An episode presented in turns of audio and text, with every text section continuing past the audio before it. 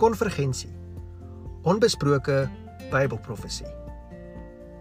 Soos wat Bybelprofesie in beide intensiteit en frekwensie toeneem, verwag ons dat Bybelprofesie meer gesprek in die toekoms gaan geniet. Hi, ek is Philip van die Kerk en welkom by nog 'n episode van Konvergensie, waar ons dieper kyk na wêreldgebeure tot die aanloop na die vasgestelde tye van God.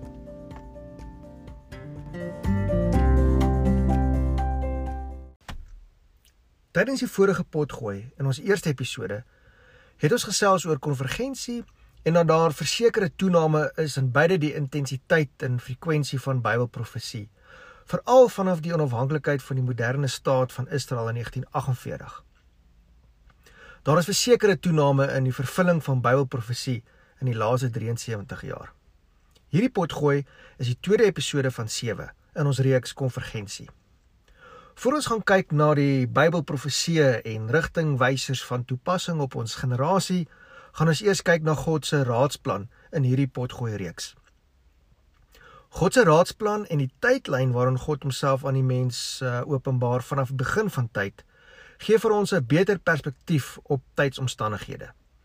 Dit is juis hierdie tydsomstandighede vervat in God se raadsplan wat ons help om 'n meer akkurate interpretasie of uitleg van Bybelprofesie te lewer. Ons weet ook nou al teen die tyd dat in hierdie tydlyn van God se raadsplan vind daar 'n progressiewe openbaring van God plaas. Die openbaring van God aan die mens word in die Bybel binne die raamwerk van dispensasies of bedelings beskryf. Met ander woorde, ons vind spesifieke segmente binne die tydlyn van God se raadsplan met die mens. Hierdie segmente in God se tydlyn noem ons dispensasies of bedelings. Die eerste 7 dooie seerolle is in 1947 ontdek deur 'n skaapwagter in die Judeese woestyn, noordwes van die Dooie See. Hierdie sewe antieke geskrifte is in kleipotte ontdek binne 'n grot. Hierdie ontdekking was die eerste van baie manuskripte wat oor 'n tydperk van 10 jaar ontdek is in die grotte in dieselfde omgewing naby die Dooie See in Qumran. Die manuskripte is van die Joodse groep bekend as die Esseners wat hulle by die Dooie See gevestig het, iewers tussen 100 voor Christus en 70 voor Christus. Hierdie skatkis van antieke Joodse geskrifte het geweldige belangstelling en kontroversie uitgelok oor die jare. Alhoewel daar in die algemeen aanvaar word dat die Dooie See skrolle aan die Joodse groep Esseners behoort, is daar vandag geleerdes wat neem dat dit dalk 'n biblioteek kon wees wat verskillende groepe se dokumente kon huisves of dalk die biblioteek van Jerusalem. Nietemin, in een van die manuskripte word daar verwys na 'n baie interessante tydlyn van gebeure.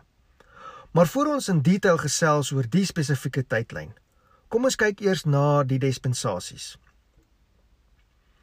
Dispensasie verwys na die oortuiging dat die wêreldgeskiedenis in 'n aantal tydperke ingedeel is.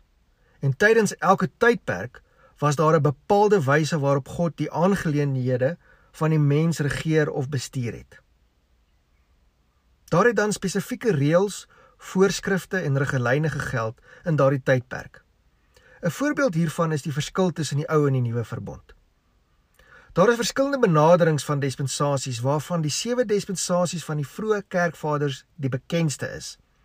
Die vertrekpunt is die bedeling van onskuld en eindig met die bedeling van die koninkryk. Ek gaan nie in hierdie pot gooi hierdie sewe dispensasies bespreek nie. Ek wil egter aandag gee aan die vier dispensasie benadering wat algemeen aanvaar was deur die seeners in die dooie see rolle. Dit maak soveel sin dat mense dit moeilik kan wegredeneer. Hierdie benadering leer dat daar vier dispensasies van Bybelgeskiedenis bestaan, naamlik die bedeling van die skepping en dit was van Adam tot Abraham en dit was 2000 jaar lank. Dan die bedeling van die wet, dis natuurlik van Abraham na Jesus Christus en dis ook 2000 jaar lank. En dan die bedeling van genade vanaf Jesus Christus se eerste koms tot sy tweede koms wat ook 2000 jaar lank is. En dan laastens is die bedeling van die koninkryk. 1000-jarige vrederyk wat 1000 jaar lank is. Sommige geleerdes sê dat die gedagte aan die millennium skynbaar baie ouer is as die Christelike kerk en dat dit waarskynlik uit die Jodendom se vroeë Ou Testamentiese toekomstige verwagting kom. Dit is belangrik om te noem dat elke bedeling 2000 jaar lank is en uit die aard van die saak is die bedeling van die koninkryk slegs 1000 jaar lank. Ons lees in 2 Petrus 3 vers 8: Een ding moet julle egter nie vergeet nie, geliefdes. Vir die Here is een dag soos 1000 jaar en 1000 jaar soos een dag. Die deurslaggewende patroon wat hier te sprake kom, is die vergelyking tussen die 7000 jaar van die dispensasies en die 7 dae van die skepping in Genesis. Tydens ons volgende potgooi gaan ons gesels oor die bedeling van die skepping en die drie gebeure wat alles letterlik verander het.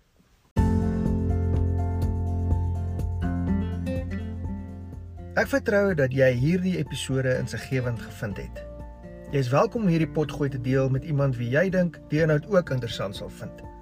Vir meer artikels, volg my Facebookblad Convergence. En onthou, jy is waardevol in en vir God se koninkryk.